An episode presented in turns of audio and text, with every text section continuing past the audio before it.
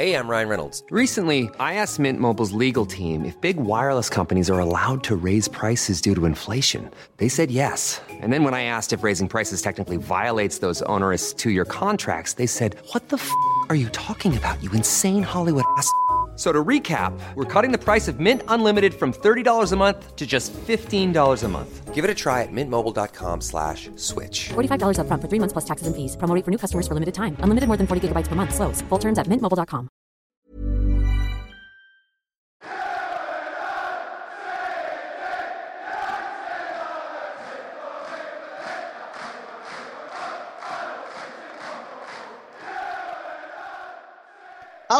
pendengar GGMU, balik lagi bersama kita bertiga. Kali ini, kalau kemarin itu kita bahas calon-calon pemain yang akan datang atau dirumorkan akan uh, berlabuh di MU. Nah ini sebenarnya pemain yang sudah cukup lama, bahkan gua tuh inget dia ini pas gua masuk kuliah gitu kan, which is sudah cukup eh, tujuh tahun yang lalu lah, tujuh tahun, 8 tahun yang lalu gitu kan. Yang mana sampai sekarang beliau ini apa ya bisa dikatakan bisa jadi club legend karena dedikasi dia, uh, kontribusi. Bahkan kemarin ketika uh, MU sebelum mengumumkan kalau pemain ini akan uh, tekan kontrak lagi, MU buat semacam kayak goal compilation gitu kan. Yang mana menurut gue ternyata gue tonton lama juga ya ternyata nih orang udah cukup uh, ya berkontribusi lah gitu kan. Dan kita nggak perlu lama-lama lagi lah orangnya tahu siapa gitu kan. Itu Juan Mata. Gue pribadi kalau terkait dengan Juan Mata banyak cerita ya karena kita pasti kita bertiga cukup punya memori yang cukup klasik gitu kan. Gue mau nanya dulu nih Kak Saum, apa sih momen yang kemudian lu ingat banget dari Juan Mata sendiri Um? momen yang paling gue kan di di Chelsea gitu loh. Hmm. Bahkan bahkan kombinasinya tuh namanya Mazakar ya kan. Mata Hazard Oscar. Serem banget namanya. Mata. Hazard iya Mazakar. jadi jadi ketika ketika ini pemain tuh sangat perform banget gitu loh. Bahkan dia sempat menang Liga Champions juga kan sama Chelsea. Ya. Iya. Dan uh, ketika ada rumor dia masuk ke Manchester United gitu ya, dia mau di- akan dibeli Manchester United di musim panas yang sangat menyedihkan itu di bawah Moyes gitu kan. Mm-mm. Dan dia datang menggunakan helikopter ke Carrington. itu salah satu momen yang paling luar biasa sih yang yang, yang gue inget gitu. Iya, iya, iya. Dan, dan itu yang ketika free kick lawan MU itu kan salah satu base De Gea juga kan? Betul, Saya- betul. Iya kan? Itu, Yes, yes, yes. gila tuh. Itu buat dua belah pihak kayak dua-duanya tuh bener-bener majestic juga sih buat matanya. Asli, memorable banget itu. Oh, parah sih. Kacau, Itu- kacau, kacau. Itu yang free kick Nah, sebenarnya kalau- di di dua musim yang berbeda. Jadi di musim sebelumnya itu kayaknya gol free kicknya. Nah musim depannya itu yang nggak gol, yang ditepis deh ya. Iya. Iya kan. Nah yang Ah, yang lo maksud yang gol atau yang nggak gol nih? Yang yang gak gol, yang gak gol sih. Oh yang nggak gol, yang ditepis Eh, De gol. Gea karena berarti. eh, betul. Karena sebelumnya Juan Mata tuh kan hampir pasti gol nih, ya kan? Free kicknya Iya. kan mesti jauh di atas rata-rata gitu lah. Ah, ah. Ketika ada ada ada apa David De Gea yang saat itu emang benar-benar masih muda banget gitu kan. Dan akhirnya dia bisa nge-save itu salah satu dua save favorit gua di David De Gea ya. Yang pertama itu nge-save Robin van Persie penalti, Hmm. terus selalu nge-save free kicknya Juan Mata tuh momen terbaik sih men untuk untuk untuk dua pemain tersebut sih menurut gua. Hmm. Iya. Iya. Kalau lu gimana, Vin? gue sebenarnya itu juga tadi mau gue omongin tapi gue mau sesuatu yang lain. Paling kalau gue adalah waktu itu gue lagi nonton di kosan nih nobar sama teman-teman gue udah udah tau lah ya ini match lawan apa? Lawan Liverpool di Anfield. Oh, ya dan itu tiba-tiba di menjelang menit 40-an sekian tiba-tiba mata itu dapat bola dari Ander Herrera diagonal ke kanan dan yang gua kaget dia ternyata nendang pakai kaki kanan ke ujung kanan Hmm. gitu loh jadi dari Ya. ujung kanan dia ke ujung sa- satunya lagi gitu dan ternyata masuk gitu loh ke gawangnya Hmm. Simon Mignolet dan gue kayak buset bisa juga nih mata nendang kaki kanan dan masuk gitu loh kan biasanya Hmm. pemain kayak gitu dia bakal cut inside terus eh, apa eh, placing gitu kan tapi dia enggak dia pakai kaki lemahnya dia bahkan gitu dan masuk oke masuk babak kedua tiba-tiba dia one two dengan Di Maria terus tiba-tiba Hmm. dia melakukan sebuah bicycle kick yang wah itu dia selebrasi di depan the cop itu gue lupa the Iya, cop iya. banget atau enggak terus dia lari ke bagian fans MU terus selebrasi nendang apa tiang corner gitu kan itu itu gue kayak wah gue yakin semua fans MU itu teriak semua di situ itu Itulah ada yang namanya Juan Field. Juan Iya, Field. Juan Field. Juan Field. Yang punya Anfield itu. Itu di Wikipedia yang punya langsung Juan Mata. Anfield. Oke oke oke iya iya iya. Nah kalau gue sendiri sih terkait dengan Juan Mata ya, gue tuh inget banget gol pertamanya dia gitu kan yang dia cetak tuh ke gawang Newcastle. Iya, itu pas masih ada Fellaini juga, masih ada Rooney juga, masih ada Van Persie juga Hmm. eh, di mana dia juga pakai kaki kanan juga. Jadi Oke. dia eh, dia dari kiri gitu kan dia kiri kalau nggak salah ada screaming, bolanya tuh kalau nggak salah eh, tektok segala macam. Fellaini pakai eh, apa pakai kekuatan terus kayak di bola dipantulin pakai kaki ke dia dan akhirnya dia yang tak gol menggunakan kaki kanan gitu. Jadi gue ekspektasi mungkin orang bilang wah ini kayaknya gol pertama bakalan free kick gitu kan. Yang mana gol keduanya free kick kan. Yang lawan siapa ya kalau gue gue lupa ya lawan siapa ya. Tapi gol kedua free kick tapi gol pertama kaki kanan. Yang menurut gue itu Hmm. salah satu momen di mana akhirnya gue akhirnya beli jersey MU yang menggunakan kos uh, patch mata akhirnya. Oh. Jadi itu sih yang, akhirnya jadi momen ini apa apa pertama gue dan gue nggak bisa bohong kayak mata kan datang dari ini kan dari Valencia gitu kan. Hmm. Bareng lah seangkatan sama David Silva, sama David Villa mungkin agak lebih mudaan sedikit tapi mereka satu generasi. Dan satu gue berharap kayak at least dua dari tiga pemain itu datang ke MU gitu kan. Ya meskipun akhirnya tidak datang langsung ya, tapi paling nggak punya pemain sekelas Juan Mata yang secara kapasitas di lapangan tuh bagus, di luar lapangan jauh lebih bagus dalam artian. Dia kalau nggak salah sarjana nggak sih yang gue tangkap ya? Dia dia kalau nggak sama dia namatin sarjana nggak sih? Ini correct me if ya gue baca di mana saat itu yang mana menurut gue nggak banyak pemain. Kemudian uh, mencoba untuk kombi, combining antara akademik dan juga sepak bola dan dia Hmm, salah satu hmm. orang yang kemudian Hmm. uh, dijuluki the profesor kalau nggak salah ya Eh, itu salah satu salah satu julukannya selain El Matador ya El, Prof- El dia- dia Mago. profesor apa Oh, El El Mago Mago. El Mago El Mago ya. Matador Edinson. Iya El Mago dengan apa selebrasi ini kelingking dan juga Jempol. ibu ja- apa jempol Hmm. gitu kan Hmm. yang ini kayak gitu. Nah El Mago ini kan baru aja nih menekan kontrak sampai Juni 2022 gitu kan, which mean ditambah lagi satu kontrak. Setelah kemarin ditambah lagi sekarang tambah lagi gitu. Apakah lu eh, bahagia kemudian mendengar eh, apa namanya eh, rumor ini? Bukan rumor udah terjadi eh, fakta ini dan kalaupun misalkan ada satu hal yang pengen lu komentarin apa yang kemudian akhirnya menjadi hal yang perlu dicatat Gue jujur sempat ingin merelakan ya, ibaratnya mengikhlaskan Juan Mata untuk untuk pergi gitu musim ini. Cuman ketika ada kabar dia akhirnya tanda tangan kontrak, gue justru, justru seneng men karena pemain MU yang lain gitu ya, bahkan antusias juga terhadap terhadap tanda tangan kontraknya si Juan Mata gitu. Bahkan Bruno Fernandes sempat uh, bikin story kayak, wah anjir kayaknya gue harus nunggu nih musim depan biar dapat nomor 8 gitu kan.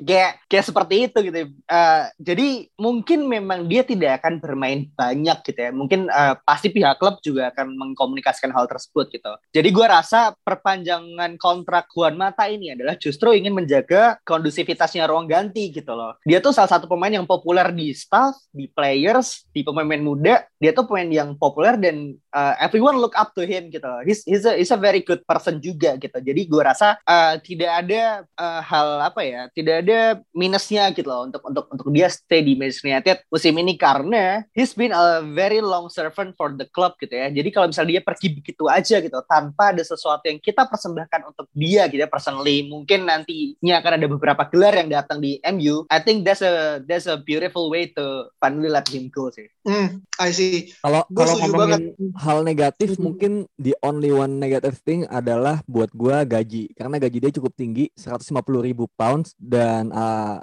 menurut gua itu satu sisi yang mungkin bisa kita berikan kepada pemain baru atau pemain yang lain gitu kan. Apalagi kita tahu juga Anthony Martial tinggi juga sekitar 200-an kalau nggak salah. Tapi itu itu cuma satu negatif thing aja. Tapi sisanya sih gua benar yang dibilang Saung bahwa ini tuh lebih ke masalah off the field dibandingkan on the field gitu. On the field mungkin beberapa occasion aja dia bakal masuk dengan pertandingan-pertandingan semacam misalnya Piala Liga atau Piala FA yang melawan tim-tim apa corok gitu kan. Dengan mainin Van de Beek gitu kan di tengah kemudian Mata main di kanan gitu sebagai penyuplai bolanya. Dia kan Mata sama Van de Beek ini kan cukup oke ya maksudnya link up play-nya. Jadi menurut gue lebih ke hal-hal seperti itu. Hmm, I see. Dan dan eh, kalau kita ngomongin klub servant ya, eh, dia kan udah main sekitar 273 appearance, eh, mencetak 51 gol dan ini salah satu pencapaian yang menurut gua eh, cukup fantastis gitu artian gini terlepas mungkin orang bilang iya, tapi kan beberapa dari penalti gitu. Tapi beberapa juga ada yang dia dari set up play gitu kan. Ada dari free kick juga gitu kan. Juga kan bagaimana dia tuh punya kelas untuk sekelas pemain yang mungkin kita anggap badannya kecil gitu kan. Speednya mungkin nggak terlalu cepat gitu. At least untuk sekarang ya apalagi gitu kan. Kayak banyak orang kayak bilang mata kalau main kalau kayak pakai apa namanya tuh kayak kruk gitu kan karena saking ngeliatnya gitu. Ya still dia adalah orang yang kemudian the, the magician gitu kan gue nyebutnya gitu kan. Lu ngelihat statistik uh, dia di di apa di atas kertas secara 51 gol dan mungkin asisnya juga lebih banyak lagi gitu kan gue nggak. Ini juga apa yang kemudian lu bisa ambil uh, dari Juan Mata dan itu bisa jadi satu contoh untuk pemain-pemain muda let's say ya Greenwood, Ahmad Diallo, uh, Jadon Sancho gitu kan dan everyone yang kemudian looking after him kayak, kayak, kayak tadi lu bilang Vin. Buat gue profesionalismenya. Jadi dia adalah tipe pemain yang dia siap dimainkan kapan pun dan dia nggak apa-apa kalau dia di bench gitu. Jadi buat gue hal-hal di luar teknis itulah yang menurut gue bisa dilihat oleh pemain-pemain lainnya gitu. Dan juga mentality. Dia selalu bermain bagus ketika dimainkan misalnya sebagai game changer gitu. Kita sering kali buntu ketika melawan tim-tim yang low block gitu kan. Dan biasanya kita memainkan Juan Mata di sana dan dia bermain bagus ketika kayak gitu. Dia pasti ada sebuah passing-passing ke depan yang membuat chances dan segala macam. Dan juga kalau misalnya lawan tim-tim yang corok gitu, dia pasti ada gol atau ada assist gitu, ada link up play yang bagus. Jadi hal-hal semacam itu yang menurut gua di samping jumlah golnya dan lain-lain itu adalah uh, hal-hal yang bisa dicontoh gitu. Dan kalau misalnya ngomongin gol, sebenarnya untuk posisi dia sebagai AM yang memang tugasnya untuk chances uh, creation ya, bukan untuk mencetak gol. Itu angka segitu udah oke okay sebenarnya. Ditambah juga Mata ini kan bermain untuk empat manajer yang berbeda ya kalau nggak salah Moyes, yeah. Al, uh, Mourinho dan juga Ole. Itu buat gue adaptasi yang nggak mudah juga gitu. Apalagi kita juga tahu ya bahwa Mata ini sempat ada friksi dengan Mourinho di Chelsea dan untungnya pasti MU nggak nggak ikut terbawa itu friksinya gitu dan malah masih bisa dimainkan juga. Jadi adaptability-nya dia untuk empat manajer yang berbeda dan dia tetap bisa perform itulah yang gue bilang tadi. Iya dan Betul. dan mm, dan gue lihat mata nih sebenarnya sama tangguhnya kayak Phil Jones gitu kan bisa bertahan dari di empat empat apa ya empat orang yang kemudian karakternya beda-beda kayak Tovan Gal yang kemudian mungkin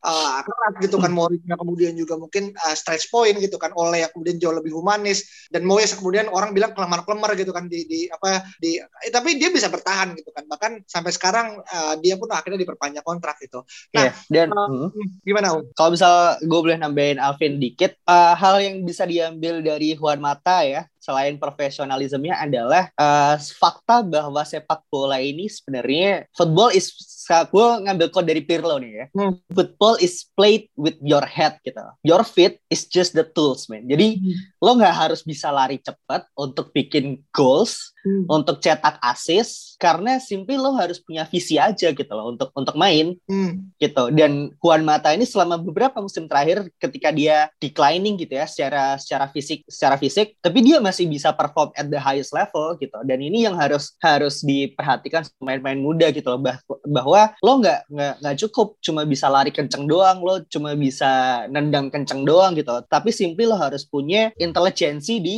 sepak bola gitu. Ini hmm. seperti itu sih men. Ya? apa nyindir Dino James atau gimana nih?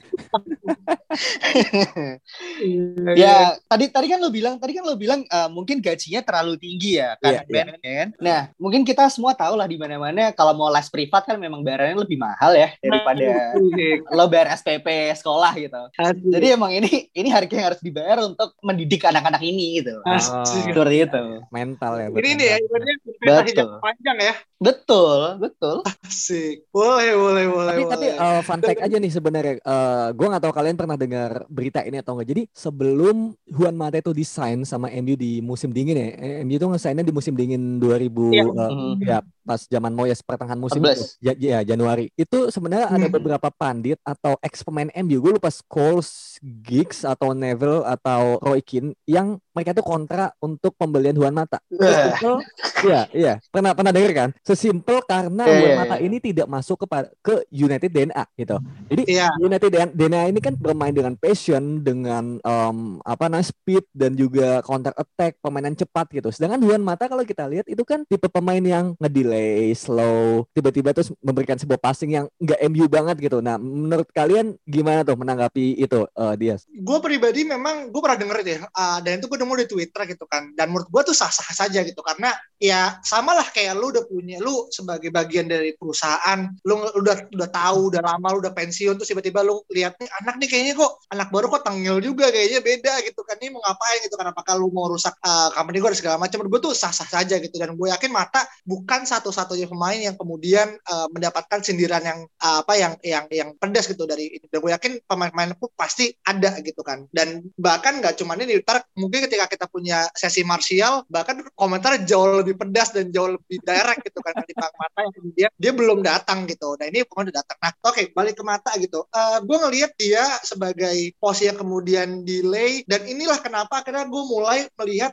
MU itu mulai berubah formasinya dari 4-4-2 yang kemudian menggunakan wing di uh, di dari zaman Nani dan juga Ronaldo Valencia mulai menggunakan pakai 4-4-1-1 gitu kan. Di mana kemudian role satu di belakang striker ini uh, yang kemudian mulai diisi sama ya awalnya Shinji Kagawa gitu kan. Terus juga sorry Mata terus masuk ke Shinji Kagawa gitu kan. Dan kemudian sekarang diteruskan sampai pada tahapannya uh, Bruno Fernandes gitu kan. Yang mana mungkin posisi udah nggak pakai 4-4-1 tapi 4-2-3-1. Yes. Tapi matanya adalah sebuah uh, starting breaker lah gitu. Kemudian MU itu akhirnya shifting ke dalam uh, formasi yang kemudian mengikuti zaman sekarang gitu. Mungkin kalau nggak ada mata ya kita masih akan pakai 4-4-2 gitu kan menggunakan sayap kiri kanan gitu kan. Bedanya mungkin ntar ya inverted tapi tetap pakai 4-2. Jadi menurut gue sih dia salah satu pemain yang cukup memberikan influence dalam formasi sih Vin. Hmm. Hmm. Iya iya.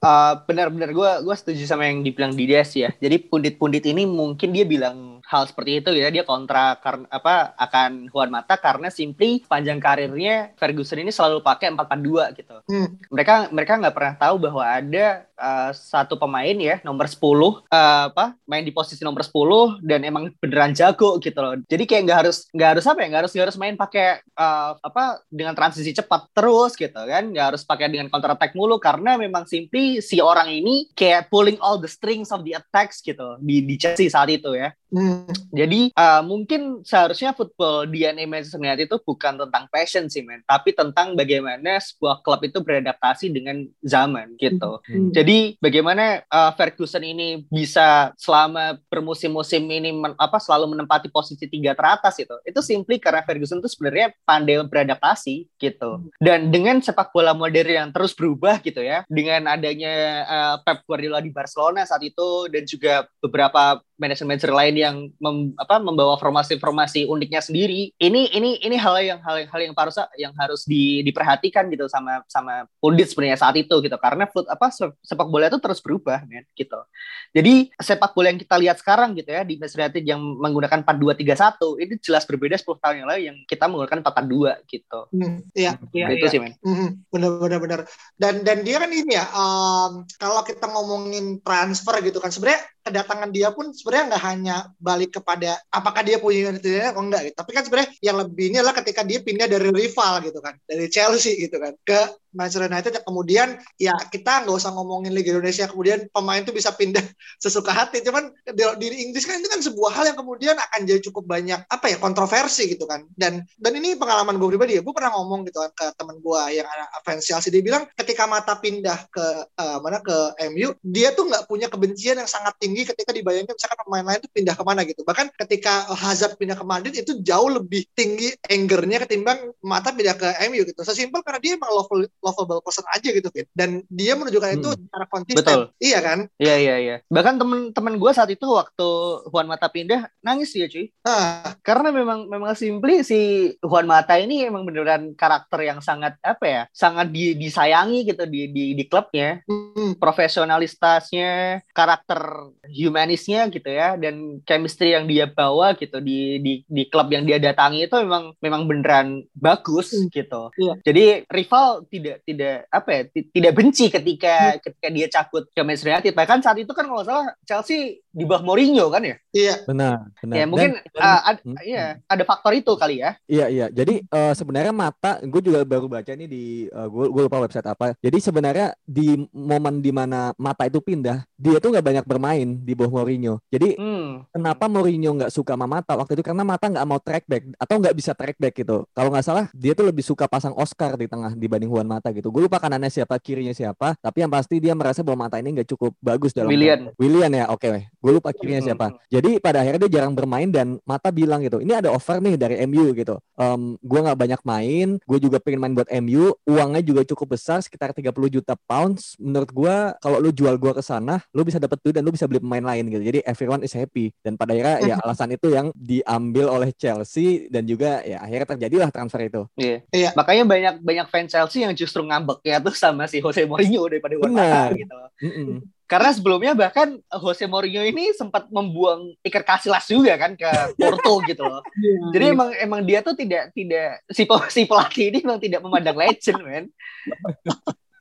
Iya, Kayak iya. ya udah bodo amat gitu. Dan saat itu pun sebenarnya kedatangan uh, uh, Mata ke MU itu pun akhirnya secara nominal ya itu kan 37,1 uh, itu kan juta gitu kan. Dan itu yang itu memecahkan klub apa klub record saat itu ya tahun 2014 Januari kan. Dan dengan berbagai macam pengalaman dan sampai sekarang uh, dia akhirnya digadang-gadang lebih kepada akan menjadi gue baca ya di media dibilang many person believe kalau di Spanyol itu akan lebih ditransisi sebagai coaching atau ambassador role di klub ketika dia udah udah pensiun gitu. Dan menurut gue ini salah satu pemilihan yang sangat bijak apalagi kalau kalian sering nonton channel YouTube-nya MU ya, terutama yang lagi cari charity gitu misalkan lagi kunjungi Hmm. rumah sakit, kunjungin anak yang lagi kanker segala macam pasti ada mata. Itu udah Iya. itu gue udah jadi kayak semacam kayak anjing kok selalu ada mata ya gitu. Paling kan sekarang ada Rashford ya sekarang karena Rashford kan lebih sana cuman dua ini yang akhirnya selalu menurut gue emang dia emang kadang ya emang simple baik aja sih di luar di dalam lapangan gitu Betul. dan gue melihat itu sebagai value gitu kan buat buat coaching ke depannya gitu. Apalagi sebagai ambassador gue sih sangat setuju sih. Ya dan dan uh, respect juga buat Mata dia punya project namanya Common Goals kan. Iya. Di mana atlet-atlet apa diminta untuk menyisihkan at least satu persen dari gajinya untuk disumbangkan ke anak-anak yang membutuhkan gitu loh. Jadi memang memang dia sebuah karakter cerminan gitu yang bisa apa digunakan untuk Manchester United sebagai goodwill ambassador-nya seperti itu. Benar-benar. Jadi, jadi mungkin bisa disimpulkan 150 ribu pounds ini kita nggak membayar untuk permainan dia di lapangan ya, tapi untuk di luar lapangan aja ya gitu. Iya, ya seperti yang gue bilang tadi, emang les les privat kan emang lebih mahal kan. Iya iya. mentor itu kan tutoring kan emang, emang seperti itu. Cuman kita uh, saat ini kan kita belum tahu nih detail perpanjangan kontraknya seperti apa gitu. Mungkin dia uh, menerima turun gaji se- seberapa gitu juga kita belum tahu ya. Jadi mungkin roles-nya sedikit beralih dari pemain yang emang fully main atau seperti kayak Ligran kemarin yang emang player coach gitu roles-nya. Hmm, Iya iya iya. Iya benar benar benar benar benar. Iya dan dan dia pun sebenarnya kalau berkaca pada musim lalu dia cuma main 18 kali di semua kompetisi baik itu yang sebagai sub ataupun yang starter dan dia nyata tiga gol gitu kan. Salah satunya di uh, pas Champions League terus juga main di Carabao kalau nggak salah sama yang back heel dari uh, Van de Beek kalau Yes. masih ingat Karabau ya. ya kan Carabao ya kayak gitu dan menurut gue ya untuk pemain 33 tahun tahun ini ya menurut gue sih ya dia emang role-nya uh, berpindah sih nggak dia dia pun pasti tahu lah kayak tadi Alvin bilang kan di akhir eh di awal kayak dia nggak akan banyak main apalagi udah ada Bruno Fernandes gitu kan. Tapi masalah nomor mungkin dia still got the number X sih. Gue nggak yakin dia akan pindah nomornya ke nomor 18 terus tukeran itu gue nggak tahu. Kecuali emang dari pihak MU kemudian buat dia ya udahlah lu tetap gue kasih tapi nomornya pindah ya gitu kan. Never know gitu kan sampai Iya. kemudian akan ada presiden apa rilis semua ya baru tuh kita tahu. I think kalau Juan Mata banyak banget ya mungkin bisa kita iniin tapi gua pribadi pun uh, happy dan semua dari kita akhirnya setuju kalau kita happy gitu kan. Karena kita tahu bagaimana story dari mulai ini mungkin dari mulai awal sampai nanti dia pensiun kita bertiga relate gitu bahasanya gitu kan. Dan gue yakin teman-teman kalau punya pendapat lain silahkan. Dan itu aja kalau dari kita sampai jumpa di perbincangan berikutnya. Dadah